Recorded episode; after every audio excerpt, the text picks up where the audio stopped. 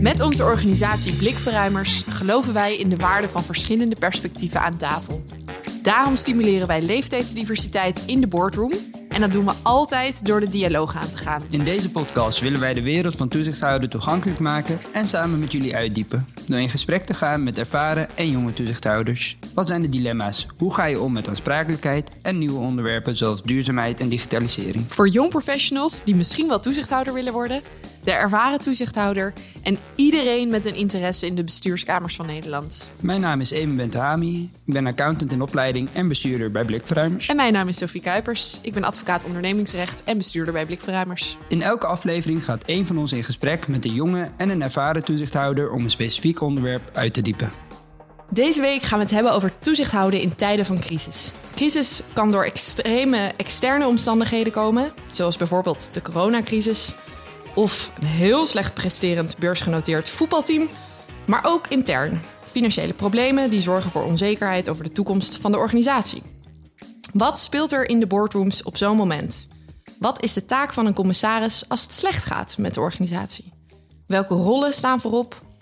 En wat is het belang van een goede voorzitter?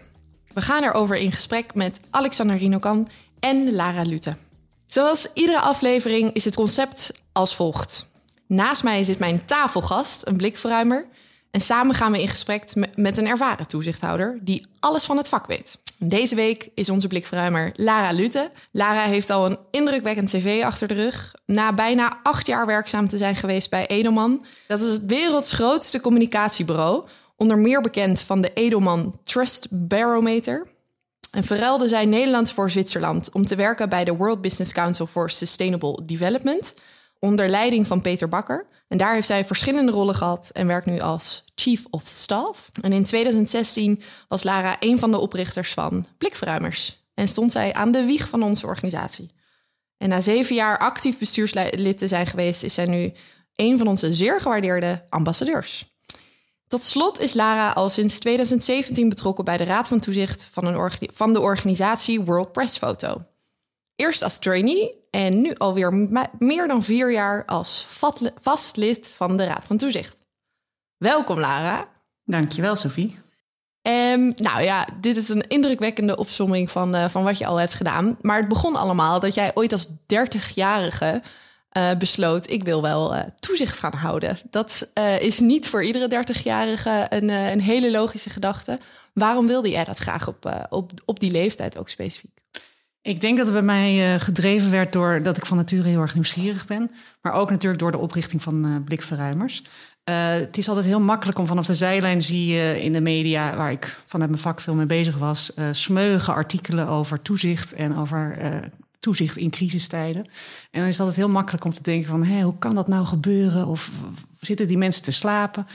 um, en dat met de nieuwsgierigheid, maar ook de oprichting van Blikverruimers, waarbij we eigenlijk willen bijdragen aan het challenge van de status quo en de uh, verbetering van toezicht, um, wilde ik eigenlijk ook dat perspectief van de toezichthouder beter leren kennen. En van daaruit uh, ben ik denk ik gedreven uh, om dat te gaan doen.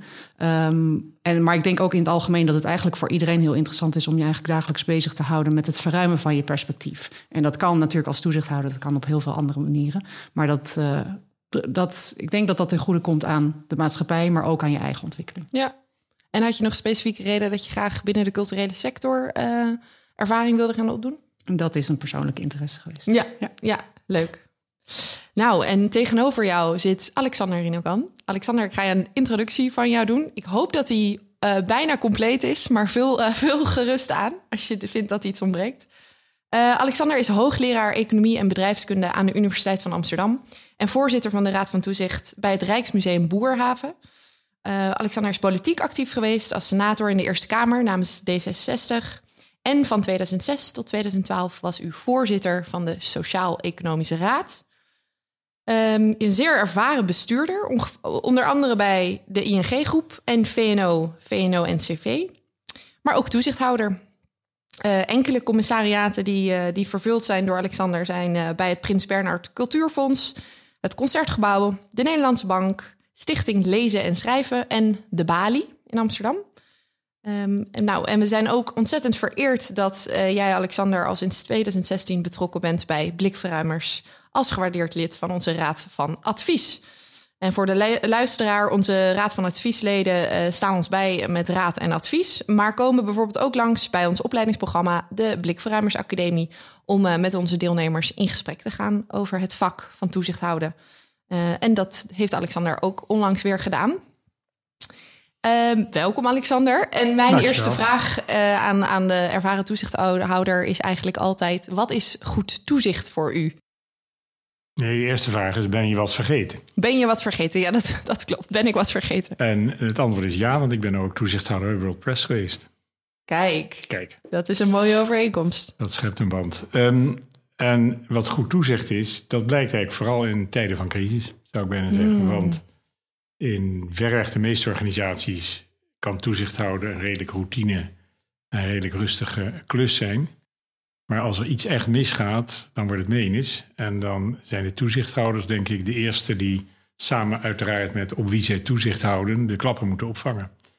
Uh, en dat kan uh, heel veel eisend zijn en in ieder geval heel veel tijd kosten. Ook dat wordt nog wel eens onderschat. Toezichthouders committeren zich voor een baan waarvan ze dan wordt verteld dat het, nou ja, vier keer vergaderen per jaar, zes keer misschien. Ja. En elke keer een uur of twee, drie en even voorbereiden. Dat lijkt allemaal reuze mee te vallen. Maar als het echt crisis is, dan wordt het ineens misschien wel een bijna fulltime baan. Ja, dan moet je echt volledig de agenda kunnen leegmaken. ja, Ja. zo is dat. Is dat u altijd gelukt als er, als er iets aan de hand was? Ik kan me voorstellen Nou, je dat hebt niet dat veel keus.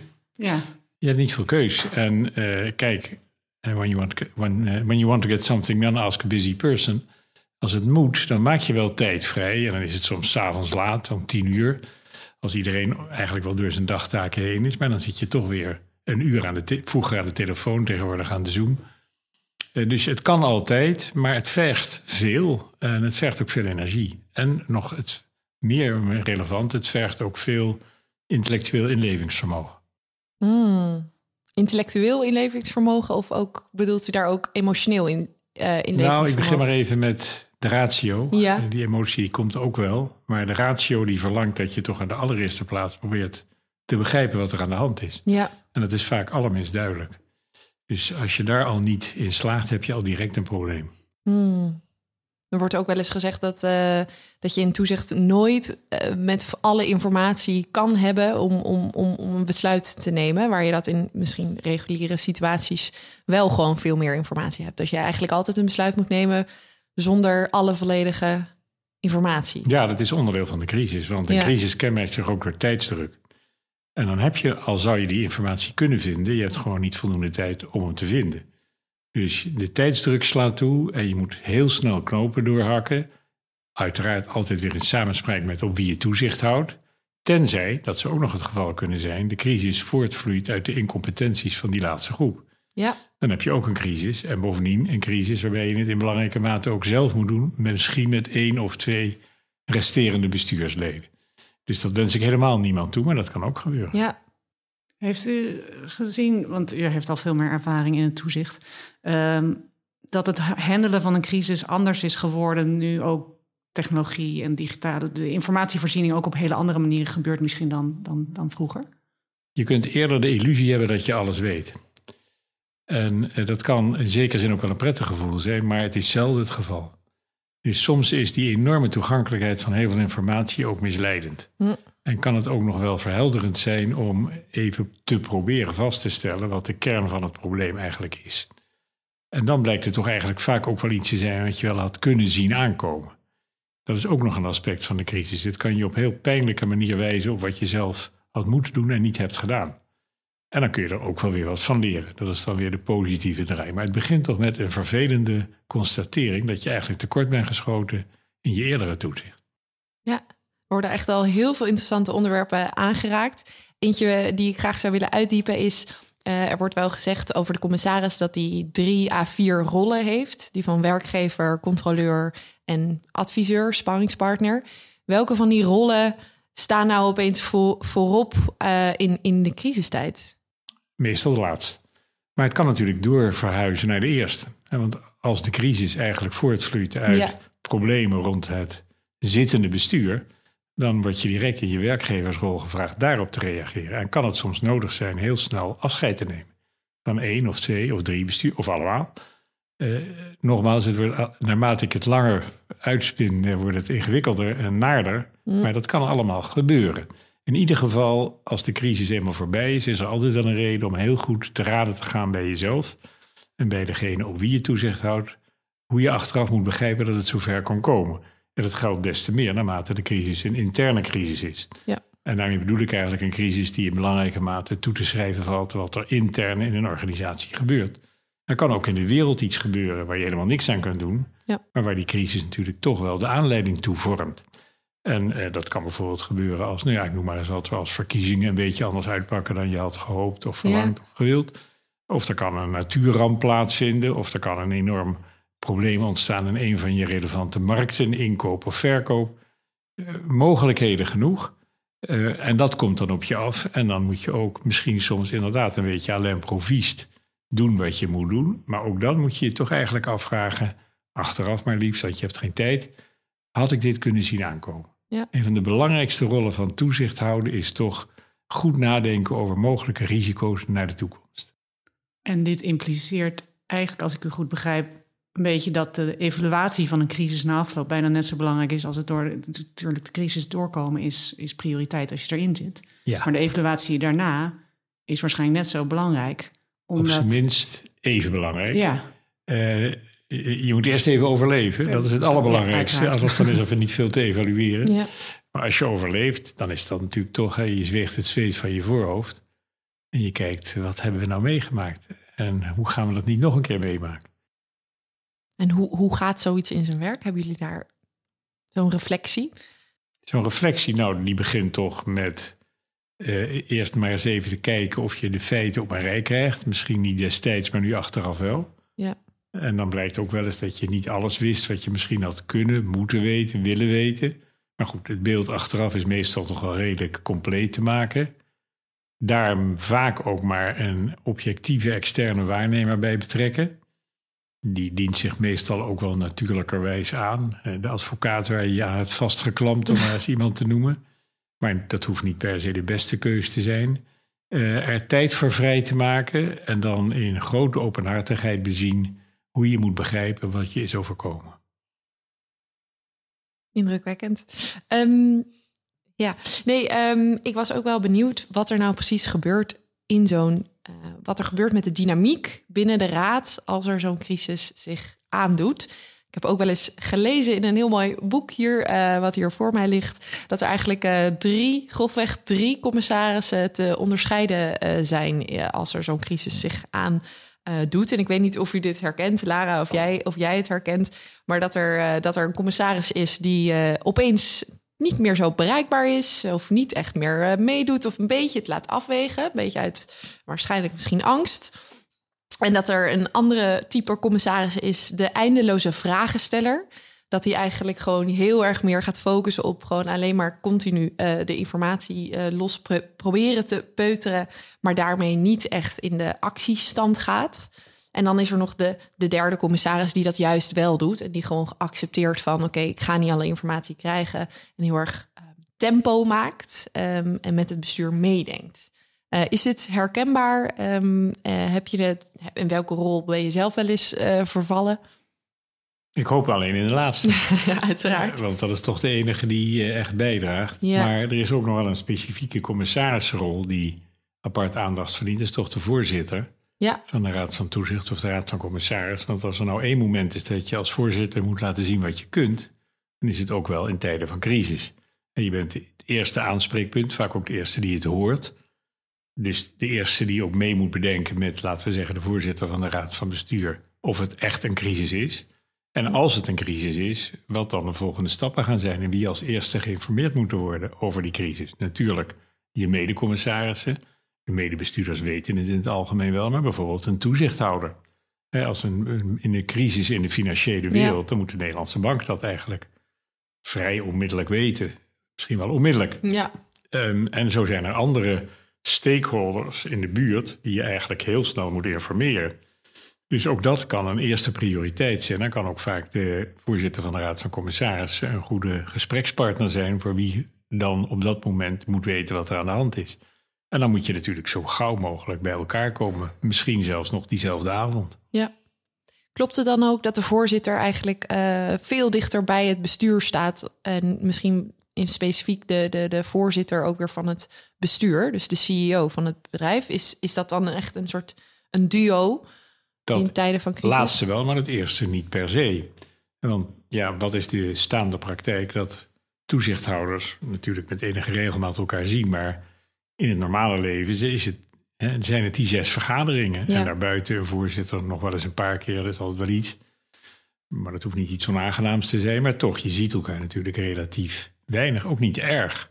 Heeft ook wel weer zijn voordelen. Hè. Je blijft ook een extern actieve partij, dus je weet ook een beetje hoe de rest van de wereld oogt. Je bent niet helemaal gebiologeerd door de organisatie alleen. Dat zo zijnde is in crisistijd natuurlijk de voorzitter van de Raad van Commissarissen, de misschien wel belangrijkste bondgenoot, eh, gesprekspartner, shoulder to cry on voor de voorzitter van de Raad van Bestuur. Ja, interessant. Het is ook, uh, er wordt vaak gezegd van je moet als toezichthouder weten hoe je op je handen moet zitten. Uh, maar ik denk ook in tijden van crisis dat dat ook wel iets is wat, wat een heel rekbaar begrip is. Want aan de ene kant heb je natuurlijk een bepaalde afstand en een bepaalde rol. Ja. En aan de andere kant is het soms juist het ingrijpen inderdaad de actievere, dus die derde rol die jij, die jij aangaf, uh, juist zo belangrijk. Dus vragen stellen. Ik denk dat die tweede rol, die vragen stellen, op zich ook nog wel interessant is. Maar als er crisis is, je, hoe, hoe behoud je die balans? En ik denk dat dat een, een hele interessante is, waar ook, denk ik, ook, uh, aangezien wij met jongere toezichthouders werken, denk ik ook iets is wat tussen jongeren en er meer ervaren toezichthouders misschien ook nog wel verschilt van mening over hoe, dat, hoe dat eraan toe gaat. Ja, het is, het is misschien, het klinkt misschien onaardig, maar ik denk toch dat in tijden van crisis ervaring wel dubbel telt. Mm. En ik zeg het als iemand die heel lang ernstig heeft getwijfeld aan de meerwaarde van ervaring. En ook wel dacht heel vaak dat het gewoon een truc om de jongeren buiten de deur te houden. Maar er is toch vrees ik wel zoiets als ervaring. Omdat je enig moment kunt denken, dit heb ik eerder meegemaakt. En dan gebeurt iets interessants in, in je hoofd. En dan zie je toch eigenlijk parallellen die, die nuttig zijn, die positief bijdragen aan de kwaliteit van je reactie. En nou ja, jonge toezichthouders gaan die ervaring dan dus opdoen. Maar als het voor de allereerste keer is, ja, dan moet je accepteren dat je soms uh, wat meer moet luisteren dan actief moet meedoen. Dat, dat, is ook niet erg, want een leerproces is juist de charme van blikverruimers. Je kijkt ook een beetje mee als het ingewikkeld wordt. En de volgende keer ben jij degene met in ieder geval een beetje ervaring. Al wat ervaring heeft. Precies, nee, klopt. En um, wat ook toen mijn fascinatie begon voor toezicht houden, maar ook eh, vanuit de media, wat altijd interessant is dat je.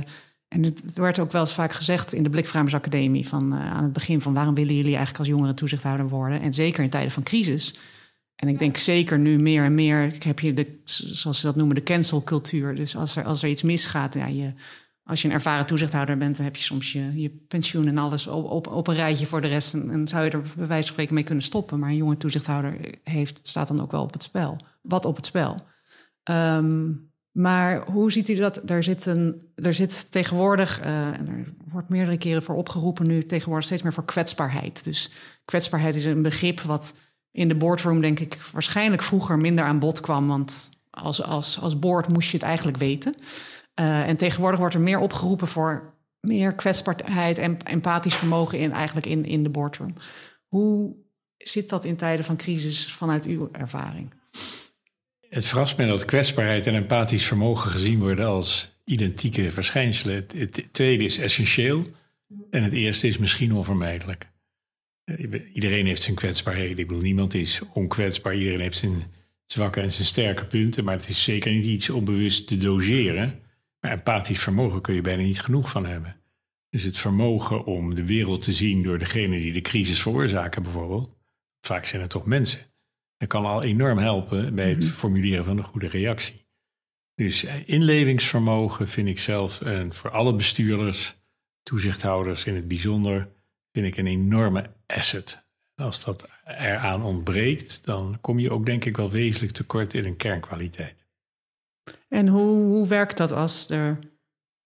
Je, je bent een raad, um, maar tegelijkertijd ben je ook individuen in de raad. En je, het kan zijn dat je in tijden van crisis ook met je raadsleden niet op dezelfde lijn zit over hoe het wordt, moet worden aangepakt. Ja.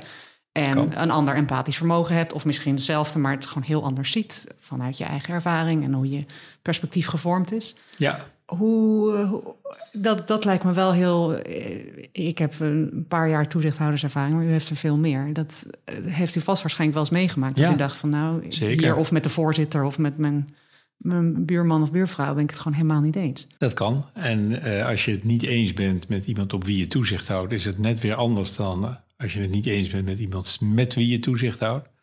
Als je het echt oneens bent met degene op wie je toezicht houdt en bang bent dat zijn of haar inschatting fundamenteel niet deugt, of dat het fundamenteel tekortschieten aan competentie om de crisis op te vangen en het vervolg te organiseren, ja, dan kom je in de werkgeversrol. Eh, heel vervelend, maar dat kan natuurlijk gebeuren.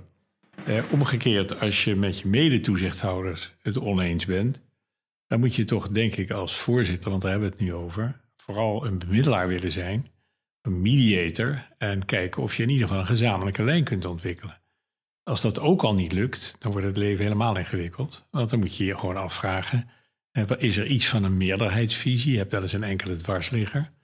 Als die er ook al niet is, nou ja, dan komen we inmiddels wel in een hele hoge crisisregio. En dan krijg je bijna Eh, een dan- crisis- dan heb je- crisis in het toezicht. Ja, ook en nog, dat, eh, en dat, ja. dat is Erbovenop. natuurlijk ook wel vertoond. Hè. Kijk, bij OpenAI, nu net deze dagen in de Verenigde Staten, daar was het denk ik echt een crisis in het toezicht. Fundamentele meningsverschillen. En daar hebben ze dan ook nog die single tier board. Dus dan zit iedereen om één en dezelfde tafel, maakt het allemaal niet gemakkelijker, vaak eigenlijk eerder lastiger. Ja, dan eh, is het windkracht 10.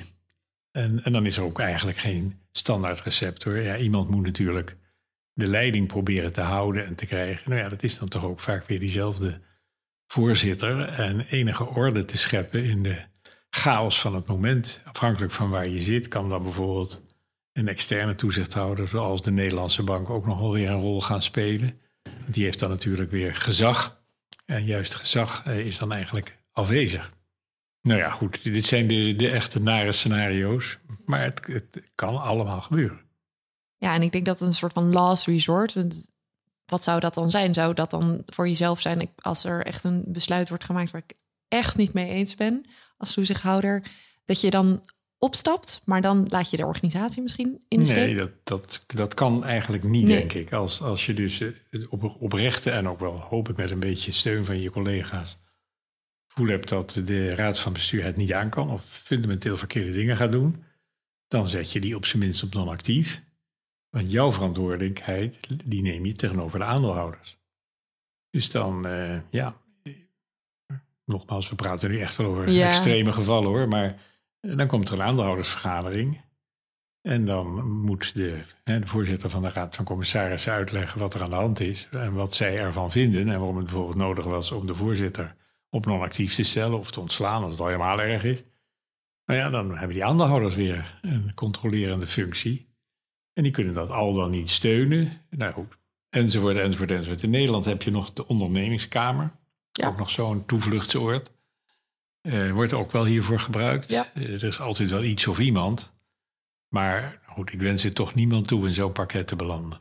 Nee, absoluut niet. En nu, u vermeldde het net eigenlijk ook al dat het ook belangrijk is dat, eh, dat je een beetje shoulder aan shoulder bijna met, met eh, zo'n CEO staat. Of in ieder geval dat er ruimte is voor de bestuurders om inderdaad hun angsten, gedachten echt goed te mogen kunnen delen Ja. eh, met zo'n raad. Dus eigenlijk dat je een goede relatie hebt met, met de bestuurders. Ehm, ik, ik begrijp dat heel, heel goed, maar eh, zit, er ook, zit daar ook een grens aan?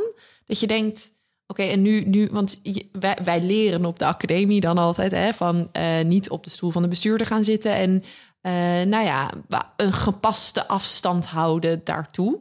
Maar in tijden van crisis verandert dat dan Ja, beetje? dat denk ik wel. Maar dat is dan ook vaak omdat de bestuurder dat zelf graag wil.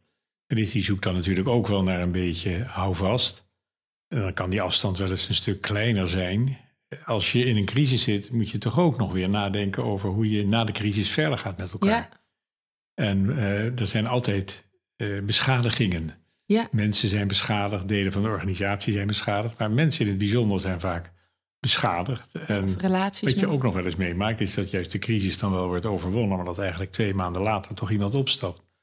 Wordt hij ook terugkijkend zelf denkt, ja, ik heb hier toch domme dingen gedaan, ik zit hier misschien ook niet goed. Ik ben mijn geloofwaardigheid kwijtgeraakt. Eh nou ja, dat soort argumenten gaan dan ook weer een rol Trots spelen. kan daar waarschijnlijk een rol spelen ook. Dus, eh, Sorry? trots kan waarschijnlijk ook Ja, een rol spelen. nou, dat vind ik een slechte raadgever. Eerlijk gezegd. maar denkt u dat dat, ondanks dat dat een slechte raadgever ja, is, dat het nooit het geval ja, is? natuurlijk is dat wel een beetje eh, ijdelheid. Hè? Ook niet zo'n beste raadgever. Eh, maar ik denk toch vooral een poging ook jezelf goed te begrijpen en eh, door te krijgen waarom je jezelf met hele nare gemengde gevoelens terugdenkt aan die dag, de week of de maand dat het duurde. Het uur. Heeft u, ondanks alle crisissituaties die u heeft meegemaakt, maar ook de, de goede momenten, het toezichthouder altijd leuk blijven vinden? Ja, natuurlijk is het leuk, want het is alleen al leuk omdat het een, echt een part-time functie is. Dus je kunt in principe dat op een aantal plekken doen. En dat maakt het dan eigenlijk ook weer leuk in de optelsom van die ervaringen. Hm. Dus juist de variatie erbinnen maakt het eh, heel aantrekkelijk. En je kunt, als je het een beetje verstandig aanpakt, ook nog het gevoel hebben, misschien zelfs wel terecht, dat je op al die plekken een verschil maakt. En dat is natuurlijk een heel bevredigend idee. Dus ik ben nooit bang geweest voor opeenstapeling van dit soort functies. Ik had er op enig moment echt tientallen. En dat is wel een beetje overdreven, denk ik hoor zelf. Maar nou ja, ik zit hier nog, dus het kan wel.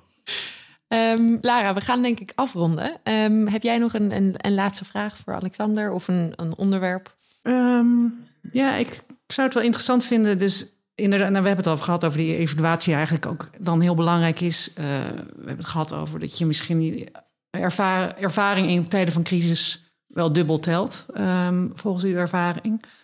Ehm, en diversiteit, denk ik, en, en, en dingen zijn dingen die je, van, die je van tevoren kunt inrichten. Je kunt natuurlijk voor, voor een crisissituatie moet je eigenlijk op papier het gevoel hebben, volgens mij, dat je raad divers is, goed opgebouwd is, en bepaalde competenties waarborgt en alles. Maar hoe kan je nou ehm, zorgen, eigenlijk twee, twee vragen, hoe kan je nou zorgen dat de inclusiviteit, wat eigenlijk wat anders is dan de diversiteit, dus de inclusiviteit gewaarborgd wordt tijdens een crisissituatie. Dus dat je echt, en dat zal waarschijnlijk de rol van de voorzitter, zal daar mee te maken hebben als ik u eerder hoorde, maar daar ben ik nog wel even benieuwd naar. Want dat is iets wat je kunt sturen. Kijk, je gaat niet in, in een crisissituatie denken, oh, we zijn eigenlijk niet divers genoeg en we moeten er nog iemand bij halen. Uh, maar ook hoe kan je nou blijven leren als raad? En want je, je zult altijd proberen natuurlijk om een crisissituatie te voorkomen, als dat in je macht ligt. En soms zijn het externe situaties. Maar hoe kan je nou blijven leren waardoor je zo goed mogelijk voorbereid kan zijn op dingen waar je misschien helemaal niet op voor kunt bereiden? Dus eigenlijk meer die inclusiviteit, hoe kun je die blijven sturen? En ten tweede, hoe kan je blijven leren? Um... Blijven leren, nou ja, dat is natuurlijk een algemeen uh, opgave. Voor dit specifieke thema, dat vind ik niet zo makkelijk. Hoe je nou ook in die zin je zo goed mogelijk kunt voorbereiden. Want dat is neem ik aan toch de vraag is wel leerzaam en ook trouwens best nog wel leuk om hè, wat te lezen over crisissituaties in andere delen van de wereld. Nou, ik heb wel een mooi voorbeeld direct uh, waar uh, ik dat aan kan illustreren. Je hebt natuurlijk de crisis aller crises, of de moeder van alle crisis, de Cuba-crisis. Toen Kennedy uh, voor allerlei hele nare afwegingen stond rond de dreiging van nucleaire wapens op Cuba. En daar is een heel interessant boekje over verschenen.